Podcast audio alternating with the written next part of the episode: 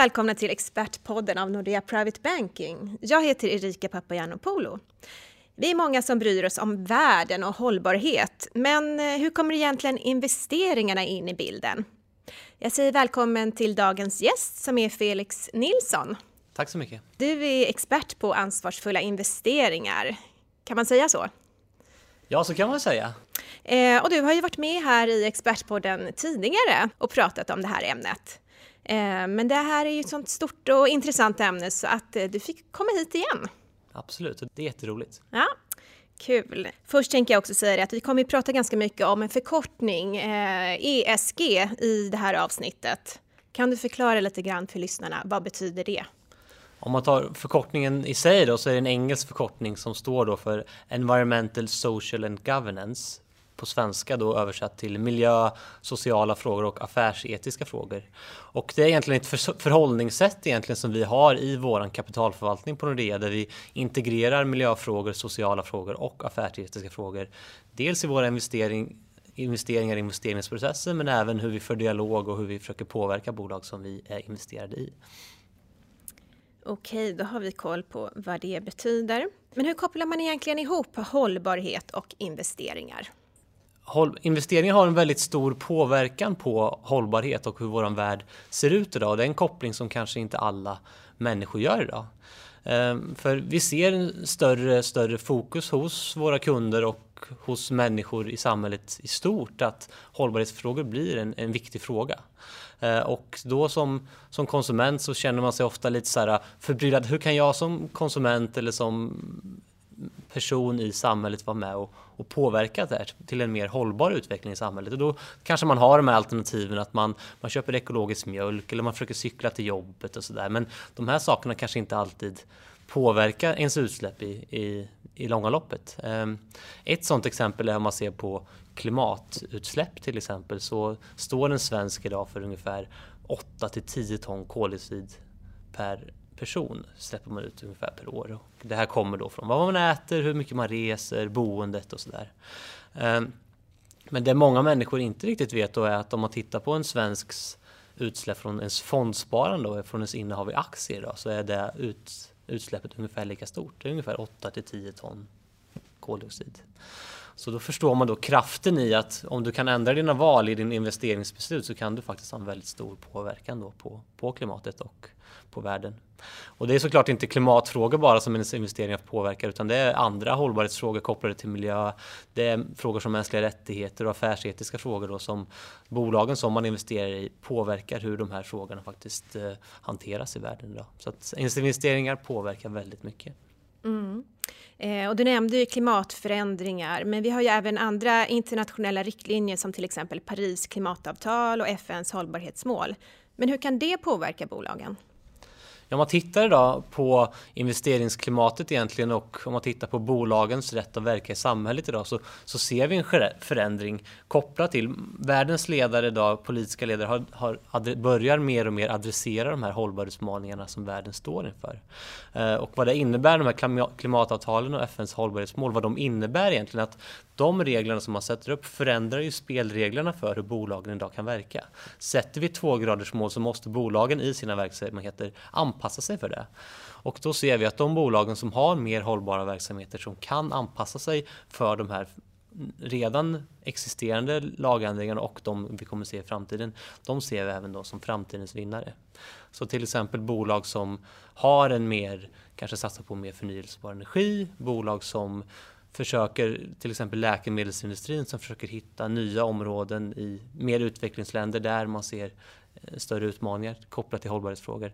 Där ser vi att vi kan hitta framtidens vinnare i våra investeringar. Intressant. Men vilka risker finns det för de bolag som inte tar ansvar för hållbarhetsfrågor? Det finns väldigt stora risker då kan man säga för att om man tittar på hållbarhet och investeringar och hur man integrerar det här i, i våra investeringar så finns det någon sån här gammal trend att äh, men det här det, det, påverkar kanske avkastningen i mer negativt sätt och det finns, det finns inte så mycket positivt med det här. Men vi anser då att bolag som inte kan hantera hållbarhetsfrågor i sina verksamheter, de, där, då har man också en mycket större risk för att det inträffar lite olika incidenter i företagen. Ehm, och vi anser då att man genom en, en ESG-analys, då, en hållbarhetsanalys, genom att proaktivt titta på de här frågorna i ett investeringsskede så kan man faktiskt upptäcka de här äh, frågorna redan innan de inträffar. Du, kan du berätta lite kort om en sån här analys? En ESG-analys? Ja, men man, jag, kan, jag kan tänkte ge några exempel då på när faktiskt en ESG-analys där man hade kunnat upptäcka incidenter i förtid. En sån är till exempel den oljeläckan som skedde i Mexikanska golfen 2010 där Eh, det brittiska företaget då, British Petroleum eller BP råkade ut för en väldigt stor oljeläcka och eh, det var ändå en incident som fick väldigt stor påverkan dels för deras eh, Eh, deras rätt att verka i regionen men även så gav det dem väldigt stora kostnader och saneringskostnader kopplat till det här då. Och tittade man då om man tittade vad som hände in, inom BP innan incidenten hände så såg man att på kostnadssidan och på hur man hanterade hälsa och säkerhetsfrågor inom BP så skar man ner på de kostnaderna metodiskt under ett antal år samtidigt som man eh, i, på utgiftssidan då så har, la man mer och mer kostnader till att göra nya borrningar och de här borrningarna skedde ofta längre ut i havs och i mer riskfyllda områden. De här två parametrarna de gick ju liksom åt motsatt håll. Så att hade man varit med tydligt och titta, gjort sin ESG-analys och tittat på de här riskerna så har man faktiskt kunnat upptäcka den här i, i, i tid. Eh, ett annat exempel där vi genom vår analys faktiskt kunde vara med och upptäcka en sån här eh, incident, det var kopplat till det svenska bolaget Telia då som har under ganska många års tid haft problem med affärsetiska frågor då, kopplat till sin verksamhet till exempel i, i Turkmenistan och Nepal och många länder i den regionen. Eh, och då i en sån här ESG-analys då kikar man, men vilka är riskerna och möjligheterna egentligen kopplat till hållbarhetsfrågor? Och då kunde vi se, ja men är man inom telekomindustrin och för man affärer då i de här regionerna så kommer det vissa affärsetiska risker och då vill vi gärna att bolagen ska ha olika processer på plats för att möta de här riskerna. Eh, och eh, när vi frågade Telia och när vi pratade med Telia då innan så, så, så drog vi slutsatsen att äh, här finns inte riktigt systemet på plats. Så då tog vi beslutet att vi, vi säljer av våra Telia-aktier eh, och ungefär ett halvår efter vi tog det beslutet så, så började de här frågorna då uppdagas och de här incidenterna kom fram och då kunde man se att Telias eh, aktiekurs har påverkats väldigt stort av det. Eh, så att genom att integrera de här frågorna i analysen så, så tar vi liksom ansvar för våra kunders pengar egentligen och för att skapa bästa möjliga avkastning. Och det är ett sådant exempel att, att inte ta ansvar för de här frågorna som investerare eller som bolag, det, det kostar pengar. Mm. Och kan innebära en ökad risk. Absolut. Mm. Men finns det egentligen någon forskning gjord på, på den här kopplingen mellan ESG och avkastning? Ja, det finns mer och mer forskning på det här området som visar då mellan korrelanser mellan ESG och avkastning. Eh, om man tittar, det jag pratade om förut, BP-fallet och Telia-fallet, det är om man tittar mer på bolagsspecifik risk och, då, och vad, vad som händer där. Forskningen som sker nu, det är om man tittar på kanske lite större, om man tittar på portföljnivå. Vad händer om du integrerar ESG-frågor på portföljnivå? Och de testerna man gör då, det brukar vara att man, man tar till exempel ett globalt världsindex och så tittar man på vilka bolag som, som finns i det här världsindexet och så tar man bort då, efter att man gjort hållbarhetsanalys på alla bolag så tar man bort ungefär 10% eller botten 20% som presterar sämst på de här frågorna och så gör man ett index utifrån det och så ser man då hur hur går de här, hur, hur liksom, vilken avkastning har de här indexen mot varandra över tid? Eh, och då 2015 kom en väldigt intressant rapport där man sammanställde ungefär 2000 rapporter. Eh, och då kunde man se att i 90% av de här fallen så gav den här ESG-integrationen då i de här indexen, det gav lika bra avkastning eller bättre avkastning. Så i 90% av fallen så gav det i alla fall inte sämre avkastning. Och det är ju ett väldigt starkt då, eh, fall för att visa att det här påverkar faktiskt eh, portföljerna på ett bra sätt. Ni gör ju en hel del resor också. Den senaste resan, om jag inte har fel, det var väl för att ni skulle lära er lite mer om palmolja? Det stämmer väldigt bra. Ja. Ehm, för, för det man kan se då, det vi, vi pratade om tidigare här då att, att inte integrera ESG i investeringsprocessen, det innebär en större risk. Vi ser också då att eh, bolagen då kopplat till Parisavtal och sådär att utmaningarna är väldigt stora eh, för bolagen om man inte är hållbar eh, och även då att forskningen visar på att det ger faktiskt, behöver inte ge sämre avkastning att integrera det här. Och då försöker vi hitta då mer proaktiva sätt för att integrera hållbarhetsfrågor. Eh, tidigare kanske man har pratat om ett begrepp som etiska investerare där man väljer bort bolag utifrån kanske mer etiska. Man väljer bort vapenbolag, alkoholbolag och sådär. Eh, men tittar man på det integrationssättet så har det inte alltid, dels har det inte alltid gett en bättre avkastning, det är snarare en sämre avkastning. Eh, genom att bara välja bort då sektorer utifrån som kan verka tveksamma då utifrån etiska perspektiv så kan man heller inte snappa upp eh, risker som BP-fallet eller Telia-fallet. Det finns inget, ingen analys som grundar sig i den etiska eh, exkluderingen då, så det möjliggör inte att man, att man faktiskt kan hitta de här riskerna och att det då inte ger en bättre avkastning. Så att eh, vi försöker då istället att integrera hållbarhetsfrågor eh, på ett mer proaktivt sätt. Och då är ju såklart, för att göra det här så måste man såklart ha kunskap om de industrierna och de bolagen man faktiskt investerar i. Eh, och då är ett sätt att man för dialog med bolagen. Vi för väldigt mycket dialog med bolag kopplat till hållbarhetsfrågor. 2016 hade vi till exempel 170 olika möten då med bolag för att just lyfta sådana här frågor. Men det är inte alltid att den informationen som man får genom dialog med bolag över telefon eller man träffar dem kanske på ett huvudkontor, eh, att den alltid räcker då. Så då försöker vi också träffa industrier på plats. Eh, och ett sådant exempel är då att vi besökte palmoljeindustrin. Då. Och vilka träffade eh, ni där? Du träffade ett väldigt stort antal intressenter egentligen i palmoljeindustrin. Dels då de största palmoljeproducenterna men även intresseorganisationer på plats för att skapa oss en bredare bild av, eh, av industrin. Och jag ska nämna det också varför just palmoljeindustrin kanske just är intressant då från ett ESG-perspektiv är att det finns ju väldigt många hållbarhetsutmaningar i palmoljeindustrin som, som måste adresseras. Dels har vi att den leder till en väldigt stor avskogning till exempel. Tittar man på Indonesien så, så avverkas en yta stor som England ungefär varje år och man bedömer att om ungefär 50 till 60 år så kommer regnskogarna i Indonesien att vara i stort sett borta. Um, palmolja, det är ju, man Eh, man odlar ju fortfarande träd och när man, man odlar den här palmoljan så det finns en viss växtlighet även efter man har sköljat regnskogen. Men ett intryck som vi fick när vi var där, att man, när man går ner under palmerna och ner på marken så ser man att det är ju inte några levande djur till exempel. Det är väldigt dött så att det påverkar ju artrikedomen väldigt mycket. Sen ser man även utmaningar kopplat till hur man hanterar ursprungsbefolkningens rättigheter till exempel och ofta är det en ursprungsbefolkning som har rätten till landet men genom kanske lite tveksamma affärer med lokala myndigheter på plats och sådär så får företagen då rätten till den här marken eller hur det nu är. Så att eh, det finns väldigt stora hållbarhetsutmaningar i industrin.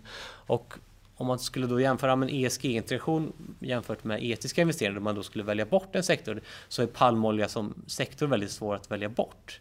Ett sådant exempel är då till exempel om du som konsument idag går in i en livsmedelsbutik, om du går in på ICA Maxi till exempel, så är ungefär 50% alla produkterna där inne innehåller palmolja. Oavsett om det är kosmetiska produkter, hudvårdsprodukter, schampo, tvål, alla den typen av produkter och även i väldigt stort antal matprodukter. Eh, väldigt mycket kakor, chips, det finns i mycket olika stek eh, Eh, Eh, stekprodukter och sådär. Så att eh, och det gör det väldigt svårt, för det är väldigt många bolag som vi investerar som är i dagligvaruhandeln eller i livsmedelshandeln. Så för oss att bara sälja av alla de bolagen bara för att de är involverade i den här industrin, det funkar inte riktigt på ett praktiskt sätt. Så då behöver vi som investerare förstå industrin, förstå utmaningarna och då också skapa oss en uppfattning. Finns det faktiskt bolag inom den här industrin som är mer proaktiva kopplat till de här frågorna och kan vi då försöka investera oss in i de här bolagen? Samtidigt som genom att vi är ägare i väldigt stort antal bolag i de här industrierna så kan vi också genom att vi träffar dem föra en dialog och sprida våra förväntningar då till bolagen på hur de ska hantera de här frågorna.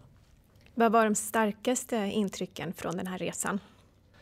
Det starkaste intrycket för mig var dels var vi till exempel då på ön Sumatra eh, i Indonesien och vi var i Riau-regionen heter det och där huvudstaden heter Pekanbaru. Eh, på flyget och tillbaks från Pekanbaru till Singapore så flyger man ungefär en halvtimme över Sumatra då och det enda vi såg under den här halvtimmen var alltså de här palmoljeplantagen. Så att man får verkligen en känsla för när man är på plats hur enormt stora de här plantagen är. Och så kopplar man det till det jag nämnde tidigare då, när man går ner på marken under palmarna så ser man att det, är helt, det finns inte en växt, en levande växt eller ett levande djur på de här ytorna. Så det, ja, det är väldigt sorgligt att se. Mm. Så det var nog det starkaste intrycket. Men sen kan man även se de regionerna vi eh, vistades i och det som gör den här frågan ännu mer komplex egentligen att kortsiktigt så har ju det här gett en, en, en god ekonomisk utveckling i de här samhällena. Folk har ju tjänat väldigt mycket pengar. Palmoljesektorn står idag för 10-15% av Indonesiens BNP och många människor har då kunnat få rinnande vatten, man har fått ett hus, man har kunnat köpa en bil, man har kunnat köpa en moped. Eh, så att det har ju också bidragit till kortsiktig ekonomisk utveckling i de här länderna och då är det väldigt svårt att säga att men det här kan ni inte göra, ni får inte tjäna pengar på de här sakerna. Eh, där industrin måste komma tillsammans och där myndigheterna måste förstå och de, de vi som investerare och även de som bor där på plats måste förstå att för att de hållbart i längden ska kunna bedriva den här industrin och för att Indonesien som land då ska kunna säkra sin egen matproduktion och sådana här frågor så måste man hitta sätt då där man faktiskt inte kommer hugga ner hela regnskogen eh, de närmaste 50 åren. Men, men hur tar ni den här kunskapen vidare då?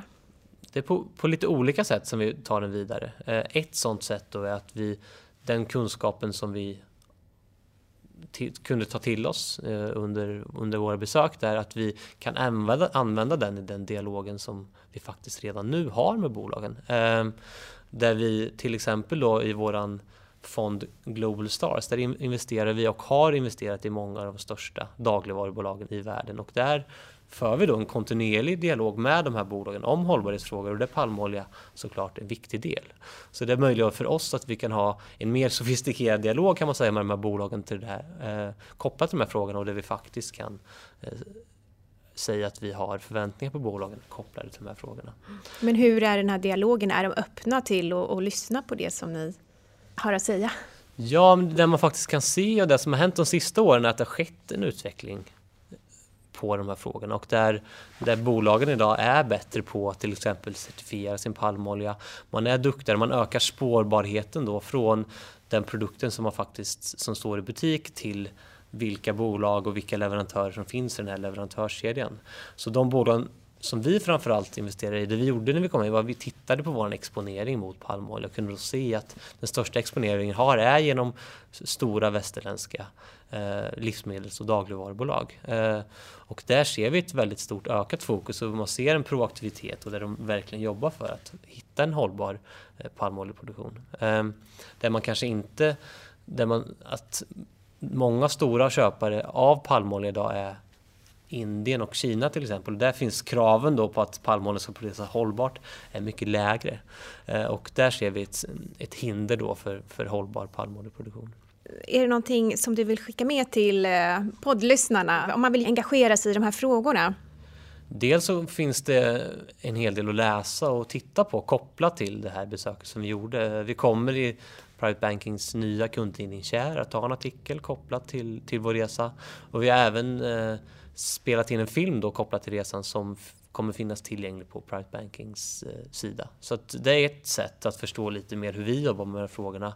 Sen så är palmolja en omdebatterad, eh, ett omdebatterat ämne och vi kan då se att eh, många intresseorganisationer har släppt väldigt mycket rapporter kring palmolja och eh, som är väldigt lätta att hitta då. Till exempel Greenpeace och Världsnaturfonden gör mycket forskning till palmoljeindustrin.